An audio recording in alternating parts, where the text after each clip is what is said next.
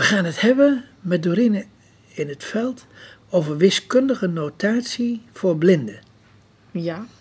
Want wiskunde was sowieso eigenlijk lange tijd niet mogelijk voor blinden. Nou, het was altijd wel mogelijk. Eh, in de oude setting, toen iedereen in het speciaal onderwijs zat, waren er codes om wiskunde te typen in braille. Dus je, braille is een ingewikkeld verhaal. Eh, Daar gaat het verder niet over. Daar gaan we het verder niet over hebben. Maar Maar, maar Geloof er, er waren dus codes. En, ja, speciale codes. en, en waarom waren die? Nou, omdat je anders eh, allerlei symbolen niet, eh, niet, niet kan. je, je hebt niet voor ieder symbool een, een braille teken. Dus je hebt daar speciale maar- oplos- oplossingen Maar waarom voor zijn ze in de vergetelheid geraakt? Nou, op een gegeven moment ging iedereen natuurlijk naar het regulier onderwijs. Zeker de mensen die wat verder. Waarom is, zijn die codes in de vergetelheid geraakt? Dat is vrij ongemerkt gebeurd. Eh, vaak was het zo dat verschillende instituten ook eigen oplossingen hadden. En eh, er was één landelijke code, die is geloof ik in 1983, 84 eh, min of meer opgelegd vanuit Mhm. Rijswijk heb ik laatst van een volwassen blinde gehoord die dat nog op school heeft meegemaakt. En daar waren ze toen helemaal niet blij mee, want dan moest je ineens weer alles heel erg anders gaan schrijven. Eh, maar daarna heb je natuurlijk de situatie gekregen dat Maar, maar kon je met het- die codes toen de tijd, kon je daar wiskunde mee studeren? Ja, ja. Toch Zo'n code maakt, eh, als, als die code goed in elkaar zit, maakt dat mogelijk om op het hoogste niveau wiskunde te doen. Je moet natuurlijk wel talent daarvoor hebben. Uiteraard. Ja. En ja, om het ingewikkeld te maken, per land zijn die codes dus ook weer heel anders, hè? Net als Oké. braille per land verschilt. Oké, maar, maar als dat dan zo'n goede code was, waarom, waarom werd die niet doorgebruikt? Omdat op een gegeven ogenblik iedereen met de computer ging werken. Eh, je hebt een, een, een enorme afkalving gehad in Nederland van, het, ja, van, van de braille-cultuur. Dus de, in het onderwijs eh, was vaak de braille-leerling na de beginfase de enige nog die eh, iets met braille deed. En de, de, de hele omgeving eh, daaromheen in het regulier onderwijs kent eh, nauwelijks of geen braille, laat staan een wiskundecode. En Nou ja, het want onderwijs... het is ook maar 10% van de blinden die kent braille, hè? Ja, ja, ook dat. Maar goed, en als je ook in het, het, het eh, braille onderwijs, dat, braille, eh, dat is op een gegeven moment samengegaan met het slechtziende onderwijs. En er kwamen steeds minder leerlingen op die scholen. Het karakter van, van het onderwijs veranderde. En ja, dat is verloren gegaan, die code. En je hebt ook een hele tijd gehad dat wiskunde niet verplicht was. Dus dan werd er gezegd, nou doe maar wat anders. Doe maar een taalgeoriënteerde studie. Omdat eh, ja, met een computer en met taal alleen maar typen, dat was Want, ideaal. want dat is iets wat ik veel hoor. Ja. Dat veel blinden dan maar Ja. eh, jura gaan studeren of een taal. Precies. Hè? En, Ja. Want dan heb je die computer die één op één... maar er was in feite van de instituten ook, ook een beetje gemakzucht. Ja, ja. Ja, toch? Ja, ik, ik weet het niet. Ik, de, de dingen zijn zo gegaan zoals ze gegaan zijn. En het feit is dus dat op een gegeven ogenblik die code niet meer werd aangeleerd. Eh, de- stond nog wel in de, in de boeken die toen door de FNB eh, werden gemaakt. Maar daar werd hij ook niet echt als een code. FNB. eh, En de Federatie Nederlandse Blindenbibliotheken, dus de voorloper ja, van ja. Dedicon en andere we voorlopers. moeten dat soort dingen altijd even uitleggen. Ja, dus we hadden vroeger meerdere plekken waar die, waar die boeken gemaakt werden. En dan eh, waren er ook vaak, dat noemden ze toen nog brailleerders, die eigen oplossingen verzonnen. Dus het was een ramp om met die boeken te werken. En op een gegeven ogenblik eh, werden die boeken ook eh, als digitale boeken verstrekt. Maar dan stonden er dus allemaal... eh, dit is het verschil. Je hebt van die grote boeken waar allemaal puntjes in zitten. De brailleboeken. en digitaal is, is dus dat het gewoon gesproken is. Nee, dan heb je een tekstbestand Ja? Wat op de braille leesregel kan worden weergegeven. Oké, ja? Maar dan krijg je dus dat als ik een bepaald tekentje eh, in braille eruit wil laten komen bij de printer. Een mooi voorbeeld is altijd de horizontale breuk- breukstreep. Hm, ja? Daar is een speciaal braille karakter voor. Mhm. Ehm, en in eh, het normale zwartschrift schrijf, schrijf je dat binnen een bepaalde configuratie als Utrema. Mhm. Dus dan stond er op het eh, beeldscherm 5 Utrema 2. Ja? En daar snapte niemand meer wat van. Ja, ja, ja, dat, ja, dat ja. was natuurlijk niet het enige. En naarmate je vorderde met de wiskunde, werd het onleesbaarder op het beeldscherm. Terwijl in, in feite de enige communicatie nog via dat beeldscherm verlie- verliep. Nou, je had een hele tijd dat wiskunde De, de niet... computer heeft ons eigenlijk met veel dingen heel erg veel verder gebracht. Ja. Maar met sommige dingen ook teruggebracht. Ja, precies. Eh, oplossingen roepen altijd weer nieuwe problemen op. Hè? Dat is een bekend eh, fenomeen. En het was een hele tijd dat wiskunde niet verplicht was. Dus nou ja, dat was allemaal niet zo'n groot probleem toen.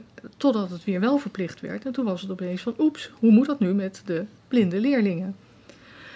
En eh, ja, Toen ben jij een denker geweest. ja, precies. Want eh, ja, je, je kan moeilijk iedereen eventjes zo'n code weer gaan leren. En, en, en zorgen dat er conversiesoftware is. En nou, daar, daar was geen tijd voor ook.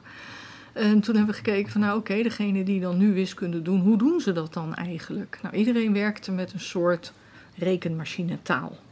En ik heb toen een aantal eh, programma's bekeken, zoals Excel, maar ook wiskundeprogramma's zoals Maple en Mathematica. En gekeken van nou, als je daar nou niet met de grafische interface werkt, Mhm. eh, dus dat je een, een, een, een, een, een minuutje op je beeldscherm hebt, dat je een, een wortelteken of wat dan ook kan aanklikken, maar dat je iets moet typen, echt gewoon Ja. toetsen.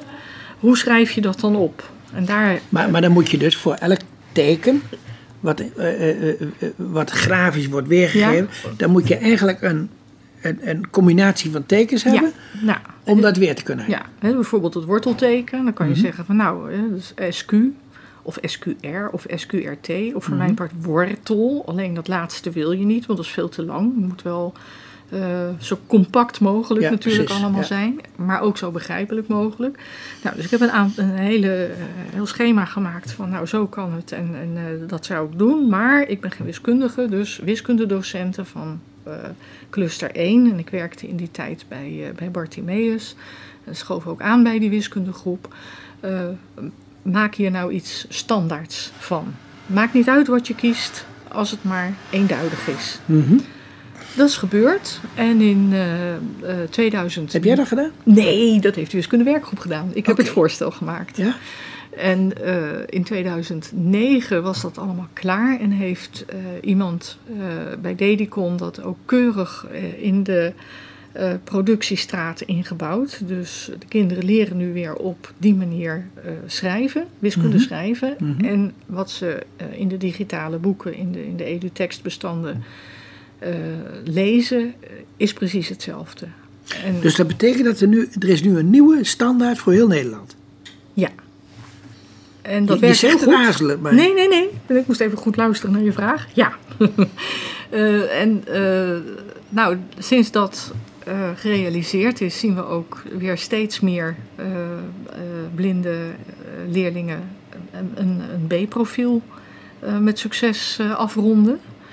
En dat is erg fijn, want ja, je hebt dat toch voor heel veel studies nodig. Eh, Om er eentje te noemen informatica of informatiekunde, de ICT. ja, of zelfs psychologie. Ja, ook. Maar ja, dingen, ja, eigenlijk ook. Ja, en, en eh, allerlei eh, vakken moet je tegenwoordig ook statistiek bij eh, kunnen. Hè? Ook als je echt een alfa bent en als je een onderzoek moet doen, moet je toch iets met, met statistiek kunnen. Dus ja, dat is nu weer allemaal veel beter mogelijk. En, en hoe ver zijn we nu met het doorvoeren daarvan? De, er zijn nog wat probleempjes met de notatie.